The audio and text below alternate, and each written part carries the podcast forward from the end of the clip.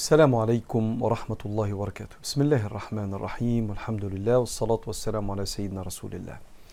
بسم الله مكملين. المجلس الخمستاشر من سلسلة الطريق. سلسلة تدريس العلم الشرعي العقيدة والشمائل المحمدية والفقه على المذاهب الأربعة وتزكية وترقية النفس. نتكلم عن الله وعن النبي وعن الإسلام وعن النفس. وصلنا في كتاب العقيدة الطحاوية وهو أول كتاب إحنا بندرسه في العقيدة. وصلنا لجزء بيتكلم أيضا عن القضاء والقدر. وبفكر حضراتكم إن إحنا بندرس العقيدة الطحاوية وهو أحد أشهر كتب أهل السنة في العقيدة للإمام أبي جعفر الطحاوي المتوفى سنة 1 2 3 321 هجرية.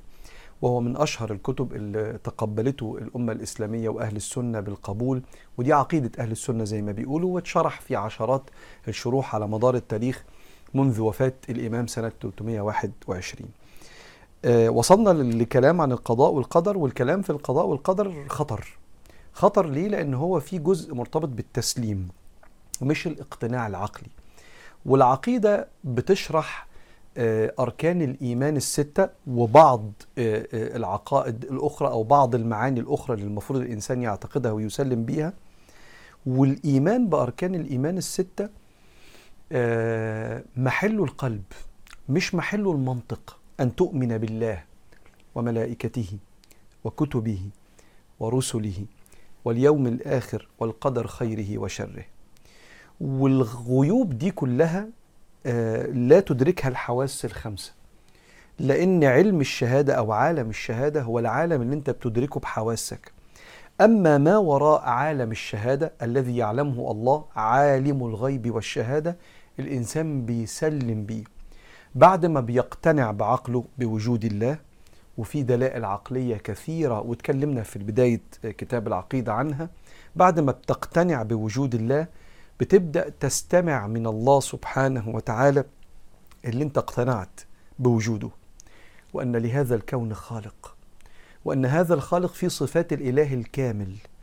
فلما المسلمات دي ترسخ تبدأ بعد كده يبقى أسهل بالنسبة لك أن تؤمن باللي ربنا بيطلبه مننا أو اللي ربنا بيوعد بيه بتطمن ليه. كل ده مبني على يقينك. الذين يؤمنون بالغيب. وحتى في بداية سورة البقرة لما ربنا قال يؤمنون بالغيب قال الإيمان بالغيب الأول اللي طلع منه الأعمال الصالحة ويقيمون الصلاة ومما رزقناهم ينفقون والذين يؤمنون بما أنزل إليك وما أنزل من قبلك وبالآخرة أدي ركن من أركان الإيمان هم وبالآخرة هم يوقنون. أولئك على هدى من ربهم وأولئك هم المفلحون. فلما توقن بوجود خالق لهذا الكون هذا الخالق كتب أقدار معينة. هذه الأقدار اللي ربنا كتبها فيها أثر صفات ربنا. يعني ما فيهاش ظلم لأن مش من صفات ربنا الظلم. ما فيهاش تسرع أو طيش لأن مش من صفات ربنا الطيش أو التسرع. ما فيهاش محاباة لأحد على حساب أحد لأن من صفة ربنا العدل والرحمة والقرب والود للعباد. فإذا الإنسان ترسخ عنده هذه الأمور لما بيوصل لمرحلة الكلام عن القضاء والقدر بيبقى قلبه مطمن إن اللي قدر الأقدار وخلق كل شيء فقدره تقديرا. يتكلم عن أقدار اللي صنعها ربنا. كان العربي زمان يسأل هو مين اللي هيحاسبني؟ فيقول له لو حاسبك ربنا. يقول الحمد لله.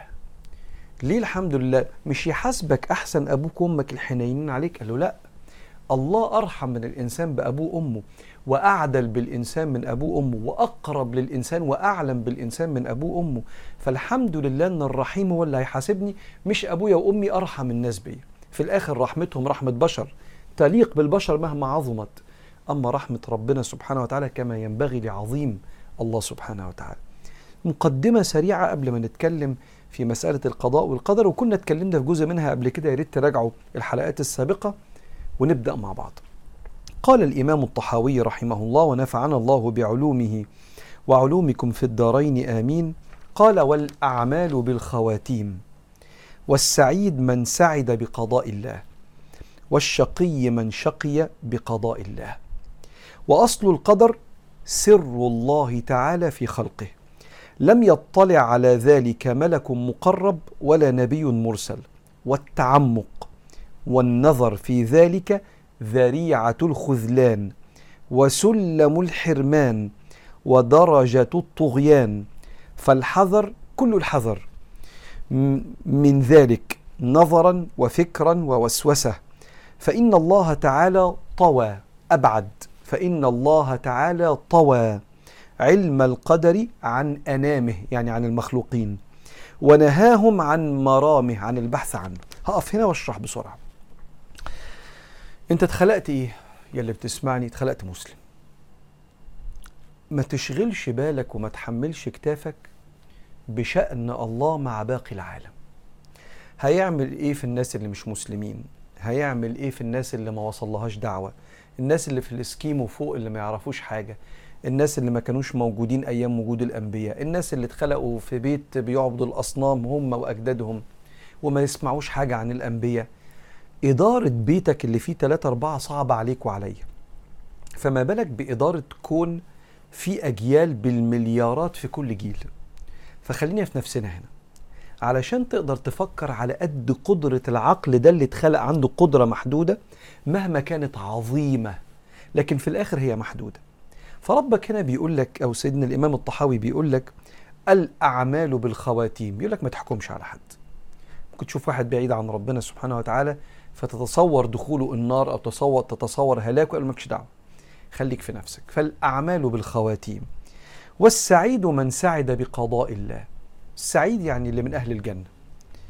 فأما الذين سعدوا ففي الجنة خالدين فيها زي ما ربنا قال في سورة هود. وأما الذين شقوا ففي النار خالدين فيها. فالسعيد ده من سعد بقضاء الله بقدر الله. اللي ربنا قدر له أن يكون سعيدا. تقول لي طب واللي ربنا قدره ما يكونش سعيد اشمعنى؟ طب وليه هيحاسبه لما هو قدر عليه؟ تاني بقول لك تطلبش من عقلك يفهم حاجة فوق طاقة المخلوق اللي اسمه بني آدم. والإحاطة بجميع حكمة الله فوق طاقتنا إحنا. لو اتفقنا أن للكون خالق كامل لا يظلم ربك أحدا يبقى اطمن لربنا. طب وهو أنا استفيد إيه لما تقول لي السعيد من سعد بقضاء الله؟ بص على حالك دلوقتي. يا اللي اتخلقت مسلم موحد يا اللي بتسمع العلم الشرعي دلوقتي يا اللي ربنا هديك ومقعدك في مجلس ذكر دلوقتي من غير ما نعمل أي حاجة ولا ندفع أي حاجة ولا نضحي بأي حاجة فيبدو وكأن ربنا بيطمنا إن قضاءه لنا يا رب يا رب ده أملنا أن يكون السعادة. فتطمن إن ربنا معاك وبيساعدك لأن السعيد من سعد بقضاء الله وإنك ما تخافش على نفسك خوف اليأس من الفتن. وإنك تخاف إنك أنت تموت مفتون ولا تخاف إنك تموت على غير التوحيد. آه خاف خوف على قدك كبشر. الخوف ده يطمنك إن ربك معاك. إن شاء الله يهديك ويسددك ويحميك. وإنت تركز في العمل الصالح في عبادة الله وإصلاح أخلاقك وخدمة العباد وإنك تدور على الرزق الحلال فتركز هنا والآن. وما تشغلش بالك بمصير الأكوان لأن دي حاجة تخص ربنا. فالسعيد من سعد بقضاء الله والشقي من شقي بقضاء الله. وبعدين قام قايل له إيه؟ قال له لو سمحت القدر ده ركن من أركان الإيمان الستة في جزء تسليم لله. وفي سر وإلا لو كان منطقي كان ربنا قال لك المعادلة بتاعته فأنت خلاص فهمت. مش آمنت. أنت فهمت. والفهم ده حاجة أنا عقلي قبلها تمام. اعدي تمام. أنا انبسطت من الموضوع ده عقلي قبلها آه لا ده ممكن معلومات حسابية معلومات فيزيائية. لكن أمر الله سبحانه وتعالى قد نفهم جزء منه وقد نسلم ونفوض جزء منه اللي إحنا مش فاهمينه لأن الله أمرنا بهذا. فنقول سمعنا وأطعنا غفرانك ربنا وإليك المصير. فقال له وأصل القدر سر الله تعالى في خلقه. لم يطلع على ذلك ملك مقرب سيدنا جبريل مثلا ولا نبي مرسل.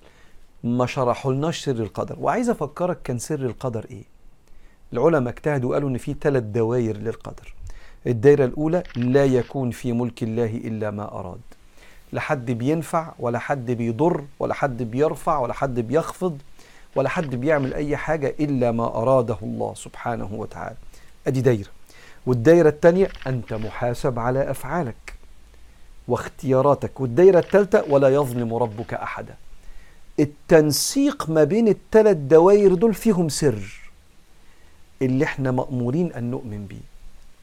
واللي بيعرف يصطلح يتصالح ويؤمن بأن لا يكون في ملك الله إلا ما أراد فما بيخافش من حد لأن كله تحت سلطان ربنا. وبعدين بيقول بس أنا هتحاسب على أفعالي فبيركز أنه يعمل أعمال صالحة ويبعد عن الأعمال المؤذية لنفسه أو غيره. ولا يظلم ربك أحدا يبقى مطمن أنه دايما في العدل الكامل والرحمة الكاملة. التنسيقة دي اللي فيها سر كده عشان أعرف أوائم ما بينهم هو ده سر القدر وده سر راحة البال. إني أسلم لله سبحانه وتعالى وأقول قدر الله وما شاء فعل وأنا مطمن ما دام اللي كاتب ده كله مش ربنا يا جماعة يبقى كلها رحمة وعدل وكرم.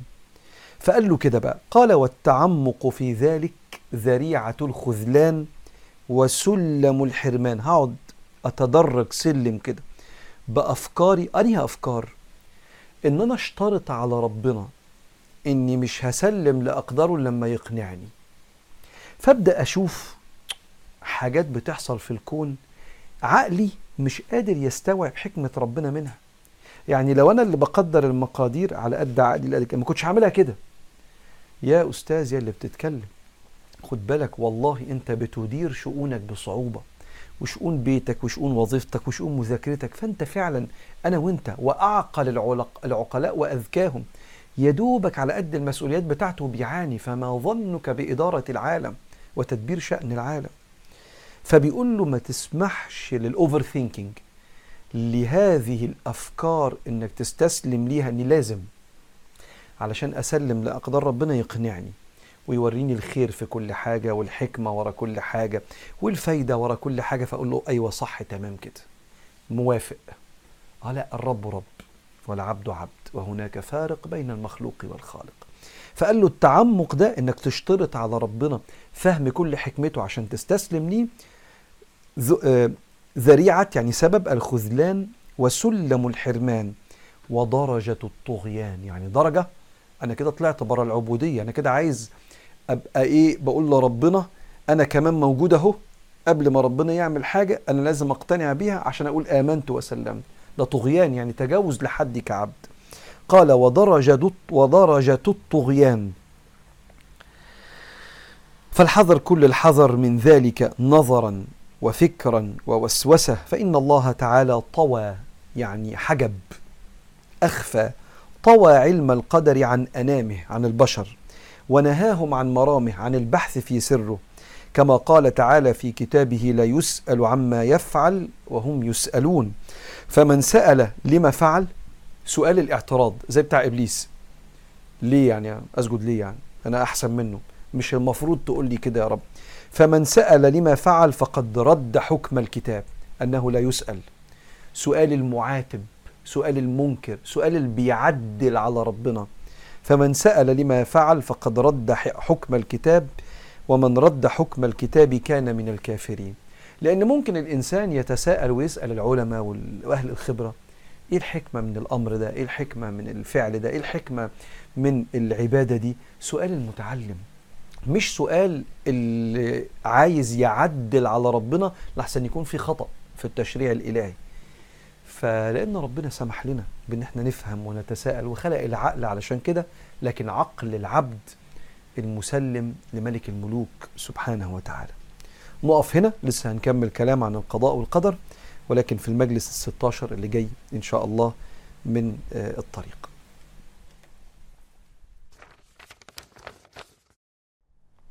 وصلنا للكتاب الثاني في المجلس الستاشر من سلسلة الطريق وهو كتاب الشمائل المحمدية للإمام الكبير أبو عيسى محمد بن سورة الترمذي المتوفى 279 هجرية. كتاب الشمائل المحمدية في كل مرة بناخد يعني حال من أحوال النبي وصفة من صفات النبي عليه الصلاة والسلام.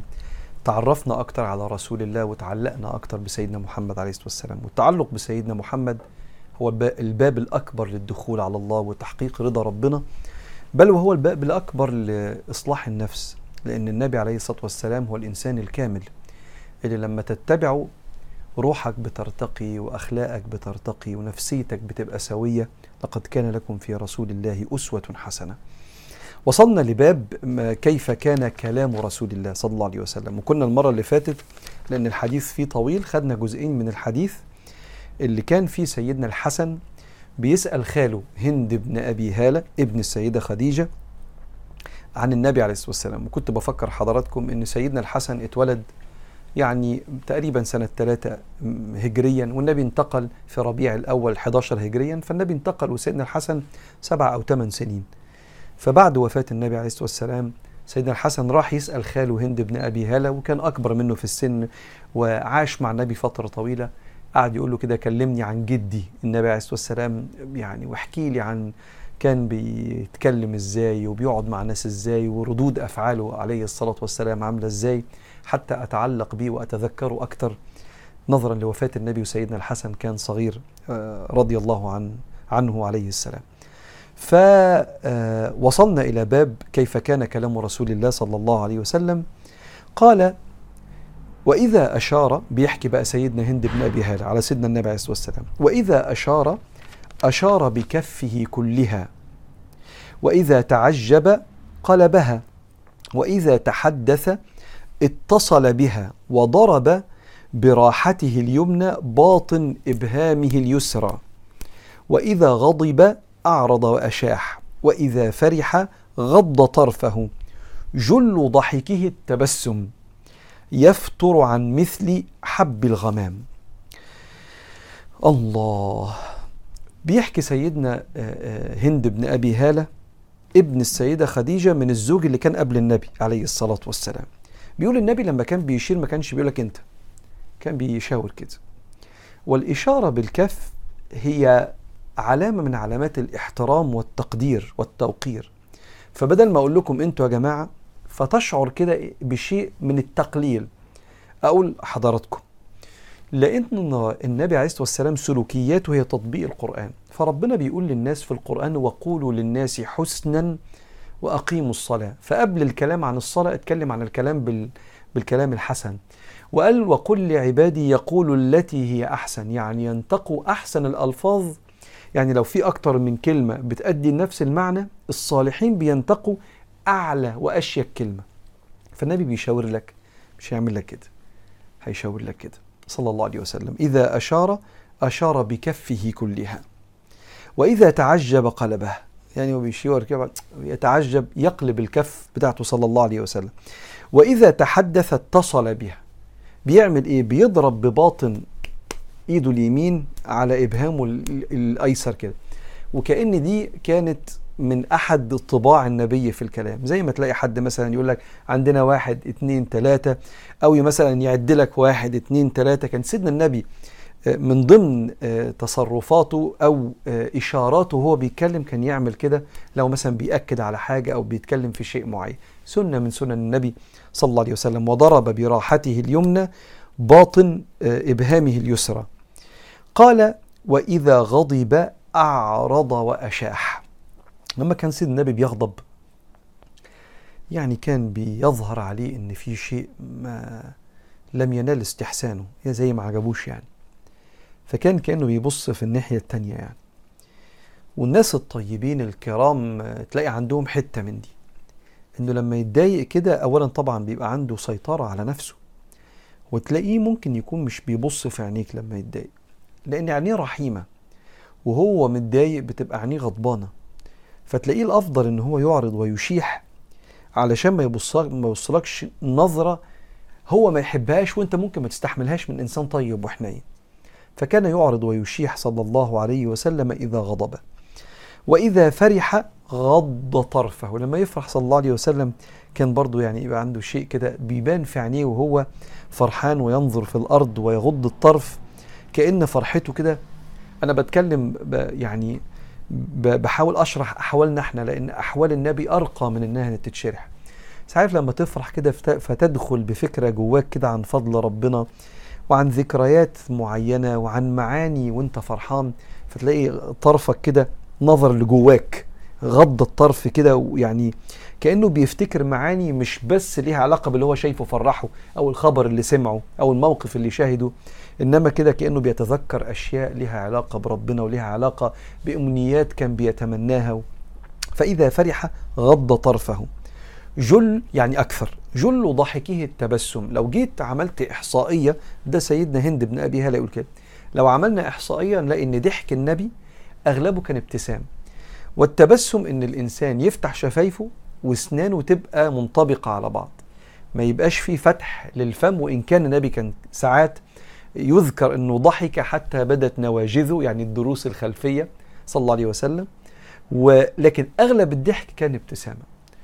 وده يعني في معاني كتيرة مرتبطة برسوخ النبي عليه الصلاة والسلام وجمال ضحكته لدرجة أنه سيدنا هند بن أبي هلا يقول يفتر يعني يفتر يعني يفتح عن مثل حب الغمام. سنانه من كتر ما كانت بيضة كأنك شايف سحاب الغمام اللي هو السحاب. كأنك لما تفتح كده تشوف لون أبيض زي السحب في أسنان النبي صلى الله عليه وآله وسلم. وطبعا ده بيعلمنا النظافة وبيعلمنا الاعتناء بالنفس إن لنفسك عليك حقا. في الآخر صحتك وشكلك وريحتك واسنانك كل ده جزء من ملك الله اللي أنت مستأمن عليه. فالنبي لما كان بيضحك كنت بتشوف سنان بيضة قوي. صلى الله عليه وسلم لأن ربنا خلقه جميل. وطبعا بيعلمنا إحنا كثرة استخدام السواك أو الفرش السنان اللي بتدي انطباع إن الإنسان في نفسه نظيف.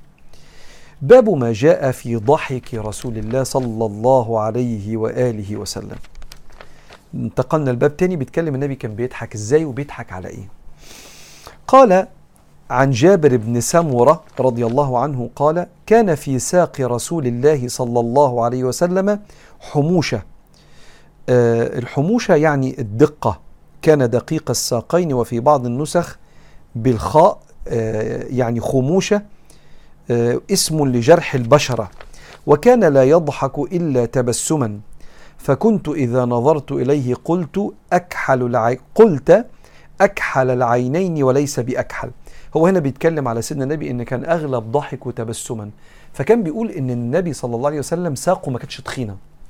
الساق اللي بيبقى فيها يعني اللي بيبقى فيها شغل ويعني انسان بيتعب وبيمشي وبيحارب وبيسافر وبيتاجر بتبقى بتغلب على ساقه برضه خلينا نوصف نوصفنا إحنا برضه لأن الوصف يليق بينا إحنا والنبي أعلى من كل شيء. تبقى الساق بتاعته يغلب عليها العضلات مش يغلب عليها السمن أو التخن يعني. فكان سيدنا النبي صلى الله عليه وآله وسلم زي ما وصفناه في بداية الكتاب كان جسمه مستوي كده وما كانش بدين صلى الله عليه وآله وسلم. لكن المقصود هنا كان لا يضحك إلا تبسما. أغلب ضحكه كان ابتسام صلى الله عليه وسلم. وكان يقول يقول سيدنا عبد الله بن الحارث ابن جزء رضي الله عنه قال ما رأيت أحدا أكثر تبسما من رسول الله. آه. الغالب على ملامح وجه النبي الابتسام. الغالب عليه. شفتش حد بيبتسم أكتر من النبي عليه الصلاة والسلام. وده بيعلمنا إحنا إن في معاني في القلب من الهدوء والسكينة وحسن الظن بالناس واستبشار الخير من إيدين ربنا وإن كله هيبقى إن شاء الله خير ما دام ربنا معانا. المعاني دي بتخلي الوش ما يغلبش عليه لا الحزن ولا التكشير إنما يغلب عليه السكينة. فإذا سكن القلب سكن الوجه فبقى أغلب ملامحه أقرب للتبسم. صلى الله عليه وآله وسلم. وبعدين بيقول سيدنا أبو ذر عن أبي ذر قال رسول الله صلى الله عليه وسلم إني لأعلم أول رجل يدخل الجنة وآخر رجل يخرج من النار. يؤتى بالرجل يوم القيامة فيقال اعرضوا عليه صغار ذنوبه. ويخبأ عنه كبارها فيقال له عملت يوم عملت يوم كذا كذا وكذا وهو مقر لا ينكر وهو مشفق من كبارها فيقال أعطوه مكان كل سيئة عملها حسنة. فيقول إن لي ذنوبا لا أراها ها هنا. قال أبو ذر فقد رأيت رسول الله صلى الله عليه وسلم ضحك حتى بدت نواجذه الدروس الخلفية.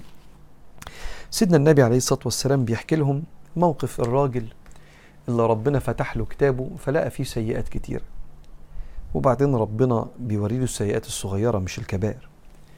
وبعدين من رحمة الله الذي يبدل سيئات العباد حسنات أم ربنا قال للملائكة ادوا مكان كل سيئة حسنة. فالراجل بدأ يشوف انتقال السيئات لحسنات فقال له ربنا بس يبدو إن الملائكة نسيت تكتب حاجة يا رب كأنه بيتشطر كأنه بيفكر يعني إيه الملائكة ولا بيقول لربنا في حتة مش مكتوبة اتنست هنا.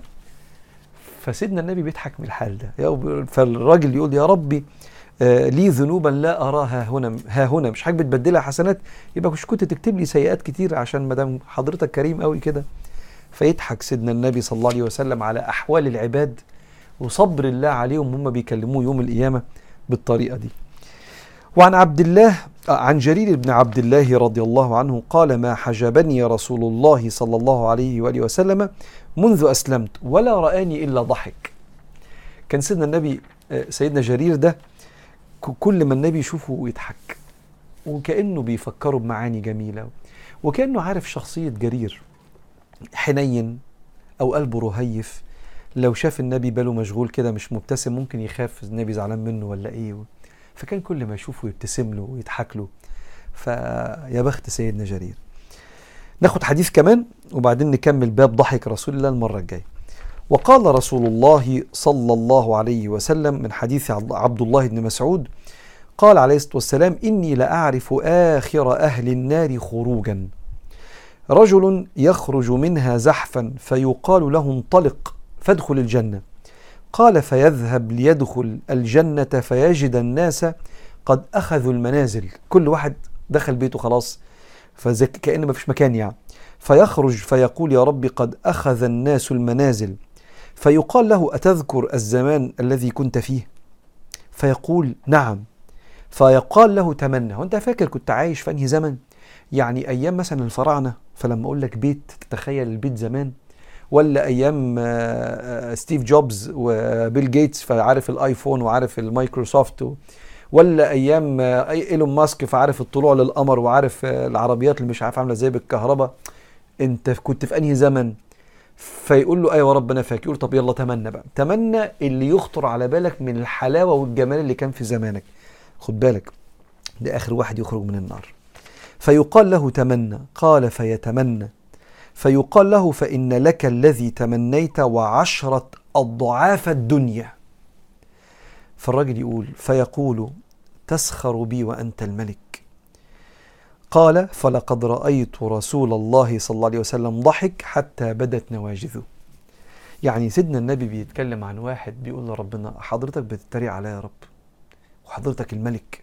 طب الراجل بيتكلم كده ليه؟ لأن ربنا بيقول له اتمنى فقعد يتمنى. فلما اتمنى ربنا قال له خلاص تمنيت انت اللي انت نفسك فيه هديهولك وعشرة أمثال الدنيا. لأن عطاء ربنا كده. هو ربنا كبير وعطاؤه كبير. ربنا غني وعطاؤه كتير. ربنا واسع وعطاؤه يغرق أي حد.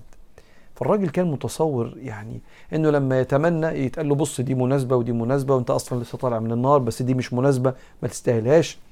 خد ثلاثة من الخمس حاجات خد ستة من العشر حاجات. ما أنت لسه طالع من النار احمد ربنا. لكن ربنا قال له اللي أنت تمنيته ده فوقه عشر أضعاف الدنيا. الجيل بتاعنا يصدق ده لأنه شاف إزاي العلماء الفلك اكتشفوا إن الأرض الشمس أكتر أكبر من الأرض بمليون وتلتمائة ألف مرة. والشمس نجم متوسط الحجم زي ما بيقولوا. واكتشفوا البلاك هول الرهيب ده اللي قطره مش عارف حاجة و30 مليار كيلو. الأرض قطرها 13 ونص تقريبا تقريبا 1000 كيلو قطر الأرض. وده القطر بتاعه 37 38 مليار كيلو. فاحنا نقطة. فالدنيا عند ربنا فيها كتير قوي قوي قوي فوق ما نتصور. ويخلق ما لا تعلمون. فساعتها النبي بيضحك على واحد بيقول لربنا يا رب تسخر مني يا رب وحضرتك الملك. أتسخر من مني وأنت الملك؟ فيضحك النبي من حال واحد مش متخيل كرم ربنا سبحانه وتعالى لدرجة إنه افتكر إن ربنا بيسخر منه لما قال له خد ده كله. فيضحك النبي صلى الله عليه وسلم يا سلام على جمال القعدة. والنبي بيتكلم في موقف جلل زي ده وينتهي بتبسم كده من أحوال الناس اللي بس لو تعرف ربنا تعرف قد إيه هو كريم فما تسيبش ربنا ابدا. يلا نقف هنا ونكمل المرة الجاية في كتاب الشمائل إن شاء الله استكمال باب ما جاء في ضحك رسول الله صلى الله عليه وسلم. وصلنا مع حضراتكم في المجلس الخمستاشر للكتاب الثالث وهو كتاب الفقه الواضح من الكتاب والسنة على المذاهب الأربعة. للسيد الدكتور محمد بكر إسماعيل المتوفى سنة 206 2006 كل شوية أقول للدكتور المتوفى 206 كأنه واحد من السلف. يا رب ربنا يحشره مع أئمة السلف إن شاء الله. متوفى 2006 وهو من علماء هذا العصر من أجلاء علماء الأزهر الشريف.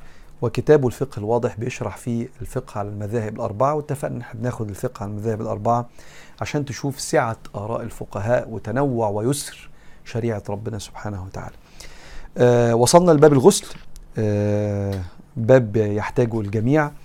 قال الإمام محمد بكر إسماعيل والغسل هو تعميم الجسد بالماء بنية رفع الحدث الأكبر لإباحة ما منعه الحدث من العبادات. عايز افكرك لو انت بتابع من الأول ان إحنا قلنا في حاجة اسمها الحدث الاصغر ان واحد ينقض وضوءه فما يعرفش يصلي فبيرفع الحدث الاصغر ده بانه يتوضا لكن في الحدث الاكبر ان واحد يكون على جنابة فيحتاج للتطهير بالاغتسال. فاحنا الاغتسال ده منه الاستحمام لو واحد مش جنب أو المرأة مش حائض. آآ آآ انما واحد بيستحمى نظافة وتطهير للجسم.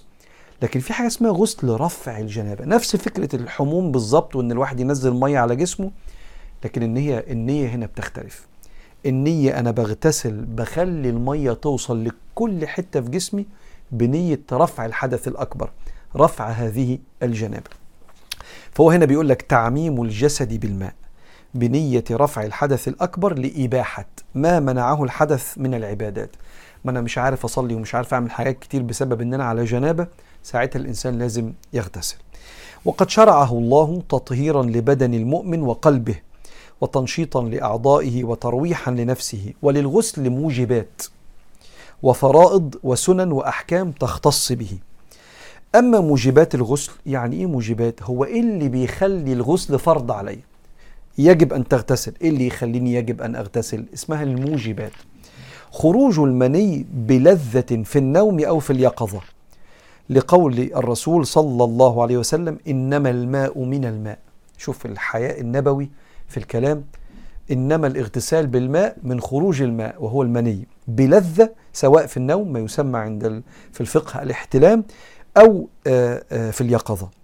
لكن إذا نزل المني على سبيل المرض دون لذة فحكمه حكم البول. لا يجب منه الغسل ولكن ولكن يجب منه الوضوء. فعن مجاهد رضي الله عنه قال بينما نحن. أو بين نحن أصحاب ابن عباس حلق في المسجد طاووس وسعيد بن جبير وعكرمة دول التابعين أصحاب سيدنا عبد الله بن عباس. وابن عباس قائم يصلي. بعيد عننا بيصلي كده. إذ وقف علينا رجل دخل. فقال هل من مفتن عندي سؤال يا جماعة. فقلنا اسأل سل. فقال إني كلما بلت كل ما بتبول تبعه الماء الدافق. بعد البول بينزل فيه شيء تاني. قلنا الذي يكون منه الولد المني اللي بيجي منه الولد؟ قال نعم. فقلنا عليك بالغسل. ما دام مني يبقى عليك بالغسل. فولى الرجل وهو يرجع. إنا لله وإنا إليه راجعون. يعني كأنه بيقول يا ده موضوع. الغسل زمان برضه مش سهل مش بتنزل تحت الدش ده يعني بتروح تجيب المية ولو كانت ساقعة لأن الدنيا برد بتسخنها شوية والمية في البير والكوز و... فموضوع برضه. فقعد يقول إنا لله وإنا إليه راجعون. كل ما يتبول هعمل كده لأنه مريض. أي يقول إنا لله وإنا إليه راجعون. وعجل ابن عباس في صلاته. سرع في الصلاة. لما سمع الكلام ده. ثم قال لعكرمة علي بالرجل وأقبل علينا يعني ابن عباس. فقال أرأيتم ما أفتيتم به هذا الرجل عن كتاب الله؟ قلنا لا. قال فعن رسول الله. عليه الصلاة والسلام قلنا لا. قال فعن أصحاب رسول الله عن أصحاب رسول الله. قلنا لا. قال أي عمن؟ طب أنتوا يا جماعة بتقولوا له الحكم ده عن مين؟ قلنا عن رأينا ما هو حضرتك المني والحكم بتاعه فيغتسل من المني. قال لهم استنوا ده في حاجة مختلفة. قال فلذلك قال رسول الله صلى الله عليه وسلم فقيه واحد أشد على الشيطان من ألف عابد. عشان كده يا تلامذتي ابن عباس بيكلم الكبار اللي كانوا قاعدين. عشان كده النبي قال فقيه واحد يفتي الناس وييسر عليهم بالشرع السليم. أمر دينهم أشد على الشيطان من ألف عابد. العابد ما يبقاش عارف الأحكام بس مقرب من الله عابد. لا الفقيه أنفع للأمة عشان هيعرف يطلع من وراه 100 عابد عارفين يعبدوا ربنا بالتيسير الصحيح في الدين. قال وجاء الرجل فأقبل عليه ابن عباس فقال أرأيت إذا كان ذلك منك أتجد شهوة في قبلك؟ هو أنت بتحس بشهوة عند خروج المني؟ قال لا. قال فهل تجد خدرا في جسدك؟ هل بعد خروج المني بيحصل شيء من الاستراحة كده؟ قال لا. قال إنما هذه أبردة يجزيك منها الوضوء أي رطوبة في بدنك يكفيك منها الوضوء. فهنا قال لهذا المرض حكم مختلف ولا يأخذ حكم المني المتدفق بشهوة اللي بيوجب الغسل لأنه خرج بعد البول فده استثناء تاني. وهنا في حتة مهمة جدا يعلمون العلماء في أصول الفقه إذا ضاق الأمر اتسع يعني لما الإنسان يبقى مريض بيبقى في ضيق أحواله مختلفة تتسع الشريعة حتى تسع هذا المريض وتيسر عليه لأن الله هو الواسع. هذا وإن رأى نفسه حتى دي مهمة. هذا وإن رأى نفسه أنه احتلم وبعد أن استيقظ لم يجد منيا في ثيابه فلا غسل عليه. واحد حلم حلم تصور فيه أنه احتلم لكن صحي لم يجد في الملابس المني لا غسل عليه. لأن الرسول صلى الله عليه وآله وسلم قال إنما الماء من الماء. يعني يجب أن ترى الماء المني حتى تغتسل. أي إذا لم يجد ماء فلا يغتسل. وقد تقدم هذا الحديث. وإذا رأى في ثوبه منيا لما صح من النوم ولم يذكر أنه احتلم وجب عليه الغسل. آه، وجب عليه أن يغتسل. إن تحقق أن هذا مني منه لقول عائشة رضي الله عنها سئل النبي صلى الله عليه وسلم عن الرجل يجد البلل يعني المني ولا يذكر احتلاما. قال يغتسل. وعن الرجل يرى أنه قد احتلم ولا يجد بللا. قال لا يغتسل عليه.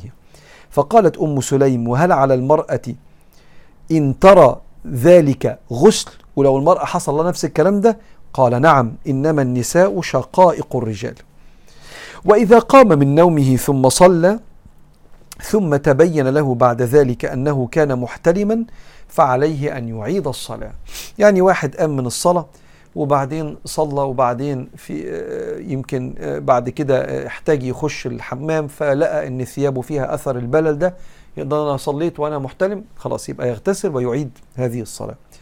وإذا صلى وقتا أو وقتين ثم وجد أثر المني فليحسبه من آخر نومة. وأنا كنت نايم آخر مرة إمتى يبقى الصلوات اللي بعدها أعدها. وليعد الوقت الذي صلاه قبل النومة الأخيرة. التقاء الختانين.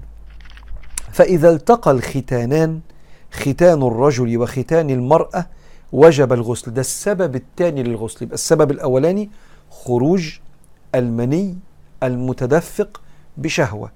إما في النوم احتلاما أو في الاستيقاظ. ساعتها الإنسان بيغتسل. التقاء الختانين.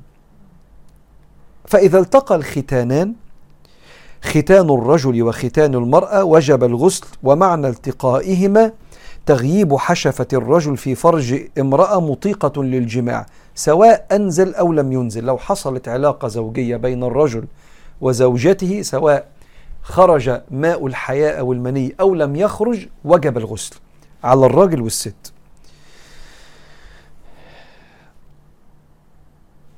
ثم قال صلى الله عليه وسلم الحديث إذا جلس الرجل بين شعبها الأربع ثم جهدها أو جهدها فقد وجب الغسل. وإن لم ينزل كما في الحديث. رقم ثلاثة انقطاع الحيض والنفاس لقول الله تعالى ولا تقربوهن حتى يطهرن فإذا تطهرن فأتوهن من حيث أمركم الله. وأحكام الحيض والنفاس ستأتي في بابها إن شاء الله. يبقى خروج المني المتدفق بشهوة احتلاما أو في اليقظة؟ حصول العلاقة الزوجية وإن لم ينزل ماء الحياة رقم ثلاثة انقطاع الحيض والنفاس الحيض والنفاس عند المرأة. أربعة الموت. فإذا مات المسلم وجب تغسيله على من حضره بإجماع المسلمين إلا الشهيد. فإنه لا يغسل بل يكفن ويدفن في دمائه لأن دماءه سوف تشهد له عند الله يوم القيامة ويكون لها ريح أطيب من ريح المسك. وسيأتي تفصيل هذا في موضعه عند فكرة تغسيل الميت يعني. خمسة الكافر إذا أسلم. وجب عليه أن يغتسل بدليل حديث قيس بن عاصم أنه أسلم فأمره النبي صلى الله عليه وسلم أن يغتسل بماء وسدر. رواه البخاري ومسلم يعني الصحيحين. وحديث أبي هريرة أن ثمام الحنفي وكان النبي صلى الله عليه وسلم يغدو فيقول ما عندك يا ثمامة؟ أي كيف حالك؟ ثمامة ده كان واحد عايز آه، يؤذي النبي صلى الله عليه وسلم فاتقبض عليه فالنبي عليه الصلاة والسلام ما عقبوش وكان هو رئيس قبيلة من القبائل اللي بتحارب النبي عليه الصلاة والسلام. ما عقبوش ربطوا في عمود في المسجد عشان يشوف المسلمين بدل ما يسمع عنهم يشوفهم ويسمع منهم. فكل شوية النبي يعدي عليه كده يقول له أخبارك إيه؟ فيقول ثمامة إن تقتل تقتل ذا دم. يعني لو قتلتني ورايا رجالة يعني آه. وإن تمنن تمنن على شاكر. لو هتسامحني ممكن أديك فلوس آه كتير. ف وكان أصحاب رسول الله صلى الله عليه وسلم يحبون الفداء ويقولون ما نصنع بقتل هذا. فمر عليه رسول رسول الله صلى الله عليه وسلم فأسلم. فحله وبعث به إلى حائط أبي طلحة أي بستانه وأمره أن يغتسل فاغتسل. لما قعد ثمامة ده في المسجد وشاف المسلمين وشاف حنية النبي وكرمه ورحمته بيه أسلم. فالنبي قال له روح حائط يعني بستان فلان سيدنا أبو طلحة وأمره أن يغتسل. فرائض الغسل. آه الحتة اللي جاية دي مهمة قوي يعني إيه واحد اغتسل غسل صحيح؟ وإمتى الإنسان يبقى تمام كده اغتسل؟ حتى لو ما اغتسلش غسل النبي لأن النبي عليه الصلاة والسلام ليه سنن في الغسل؟ لو عملتها تبقى اغتسلت زي النبي. لكن في غسل يجزئ. يجزئ يعني تمام انت كده اغتسلت تقدر تصلي وتمارس حياتك كأنك مش جنب. إيه الفرائض اللي لو تحققت يبقى انت اغتسلت؟ قال النية وهي فرض عند المالكية والشافعية وشرط صحة عند الحنابلة وسنة مؤكدة عند الحنفية كما تقدم في الوضوء. يعني أنا دلوقتي تحت الدش كده باخد دش نظافة كده بعد ما خلصت رياضة ولا باخد دش كده عشان خارج فعايز يبقى شكلي وريحتي حلوة ولا بنية رفع الجنابة؟ آه قال له النية هنا فرض. فخد بالك أنت بتستحمى ليه؟ للنظافة ولا غسل الجنابة؟ فالنية هنا فرض. رقم اتنين تعميم الجسد بالماء. إن المية توصل لكل الجسد. وهو فرض بالاتفاق لقوله تعالى يا أيها الذين آمنوا لا تقربوا الصلاة وأنتم سكارى حتى تعلموا ما تقولون ولا جنبا إلا عابري سبيل حتى تغتسلوا.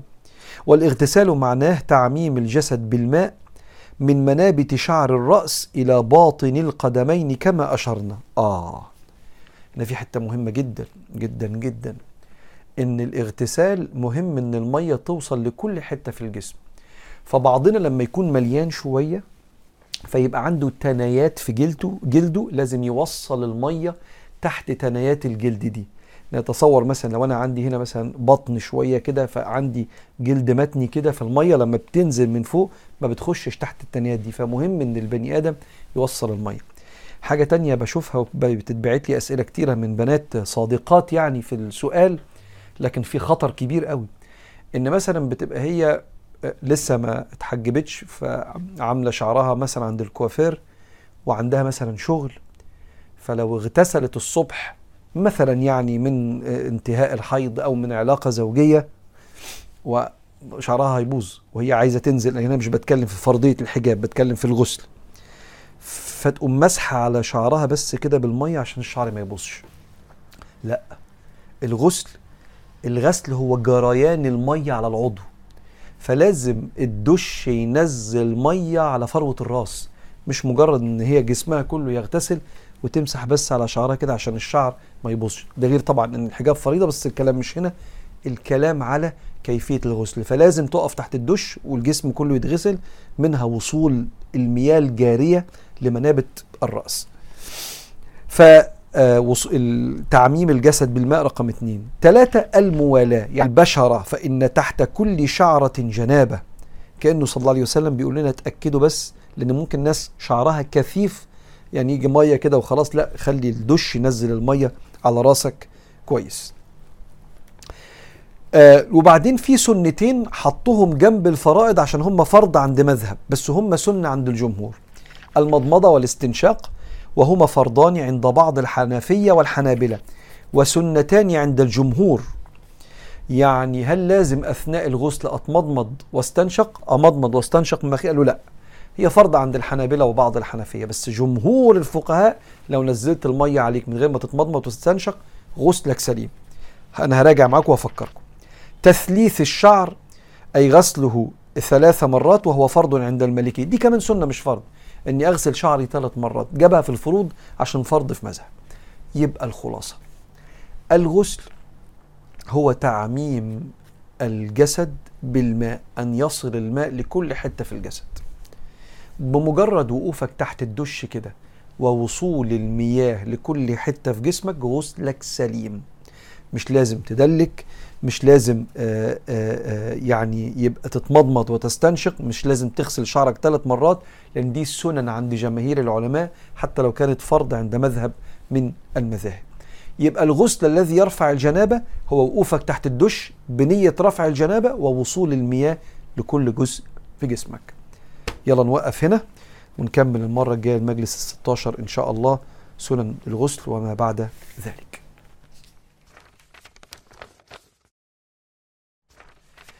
وصلنا للكتاب الرابع في المجلس الخمستاشر من سلسلة الطريق وهو كتاب أيها الولد كتاب التزكية وترقية الأخلاق لحجة الإسلام الإمام الكبير أبو حامد الغزالي المتوفى سنة 505 هجريا ووصلنا فيه لوصيته لتلميذه وهو بيحكي له قصة الشيخ الكبير شقيق البلخي وتلميذه حاتم الأصم ودول أئمة كبار. حاتم الأصم صاحب يعني تتلمذ وعاش مع شقيق البلخي 30 سنة. فشقيق بيقول له انت اتعلمت مني إيه في ال 30 سنة؟ قال له 8 حاجات. فيبدو ان الثمان حاجات دي خلاصة كبيرة جدا يعني فيها من المعاني والفوائد اللي إحنا محتاجينه في زماننا ده. المرة اللي فاتت خدنا الفايدة الأولى والمرة دي هناخد الفايدة الثانية قال الإمام الغزالي رحمه الله ونفعنا الله بعلومه وعلومكم في الدارين آمين. الفائدة الثانية كلام حاتم الأصم اللي اتعلمه من شقيق البلخي. قال إني رأيت الخلق يقتدون بأهوائهم ويبادرون إلى مرادات أنفسهم. فتأملت قوله تعالى وأما من خاف مقام ربه ونهى النفس عن الهوى فإن الجنة هي المأوى. وتيقنت أن القرآن حق صادق. فبادرت إلى خلاف نفسي وتشمرت بمجاهدتها وما متعتها بهواها حتى رضيت بطاعة الله وانقادت. الإنسان ربنا خلق فيه إرادة والإرادة لما يكون جنبها شهوة أنت ممكن توظف الإرادة في تحقيق الشهوة. والشهوة دي نوعين إما شهوة توافق مراد الله وإما شهوة لا توافق مراد الله. فلو إرادتك وظفتها في تحقيق شهوة توافق مراد الله ده مش هوى ده اتباع للشريعة. أيوه بس أنا استمتعت بشهوتي اللي ربنا أباحها واجعلها حلال. وبالتالي هنا لا يسمى الإنسان المستمتع بالحلال متبع لهواه. إنما الهوى هو إنك توظف إرادتك وقرارك في شهوة لا يرضاها الله. ساعتها هنا أنا قلت لمراد الله ورضا الله لأ واتبعت هوايا وشهوتي. عشان كده ربنا سبحانه وتعالى قال يا داود إنا جعلناك خليفة في الأرض فاحكم بين الناس بالحق ولا تتبع الهوى. آه. وهنا لما ربنا قال في الآية في سورة آه النجم قال إن يتبعون إن إلا الظن وما تهوى الأنفس. ولقد جاءهم من ربهم الهدى فحط الهدى في كفة وما تهوى الأنفس في كفة. عكس الهداية. وده يفهمك إنك أنت في وقت من الأوقات دايما بيبقى عندك اختيارات. إما إنك أنت تختار مراد الله حتى لو ما يرضكش لأن ساعات الإنسان بيبقى عايز يكذب عشان ينتصر في نقاش ويسرق عشان يجيب قرش يلبي بيه احتياجاته ويعتدي علشان ينتقم قال يعني بيسترد حقه ويعمل حاجات فيها شهوات لكن فيها اتباع للهوى. مع إن في شهوات كتيرة زي السعي على المال الحلال شهوة ربنا أحلها ووصى بيها وما حرمش الاستزادة من المال الحلال. شهوة زي شهوة النوم اللي مش بيلهي عن العمل أو عن العبادة. شهوة اعملها. شهوة زي العلاقة الزوجية الحلال لأنها زوجية. النبي يقول وفي بضع أحدكم صدقة. العلاقة الزوجية. قلنا يا رسول الله يأتي أحدنا شهوته ويؤجر عليها. قال نعم. أرأيتم إن وضعها في الحرام؟ أكان عليه وزر؟ قلنا نعم يا رسول الله. قال كذلك إذا وضعها في الحلال. يعني كانت شهوته تابعة لمراد الله واللي ربنا أباحه. يؤجر عليها. شفت بقى الكلام ده؟ تعال نرجع نقرأ. بيقول إني رأيت الخلق يقتدون بأهوائهم. ماشي ورا شهوته اللي ما ترضيش ربنا. ويبادرون إلى مرادات أنفسهم. أنا عايز ده دلوقتي. عايز أنام وده وقت شغل أو صلاة. عايز أطلع غضبي في صورة اعتداء وسب وشتيمة وده وقت كظم للغيظ وضبط للنفس. عايز أكذب عشان هينجيني الكذب وده وقت صدق وهينجيك ربنا بالصدق. هوى ولا مراد الله؟ فبيقول له هنا فتأملت قوله تعالى وأما من خاف مقام ربه ونهى النفس عن الهوى مقام ربه إما مقام ربنا في قلبك أو المقام بين يدي الله إنك تقف بين إيدين ربنا بكرة. وأما من خاف مقام ربه ونهى النفس عن الهوى فإن الجنة هي المأوى. قال وتيقنت أن القرآن حق.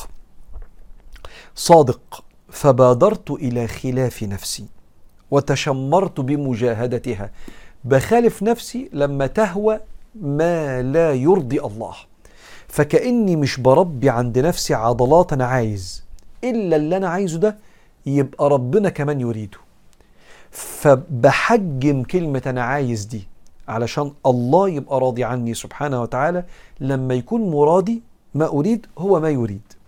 قال فتيقنت أن القرآن حق صادق فبادرت إلى خلاف نفسي وتشمرت بمجاهدتها وما متعتها بهواها حتى رضيت بطاعة الله وانقادت. إيه اللي بيحصل لما بتعمل كده في نفسك؟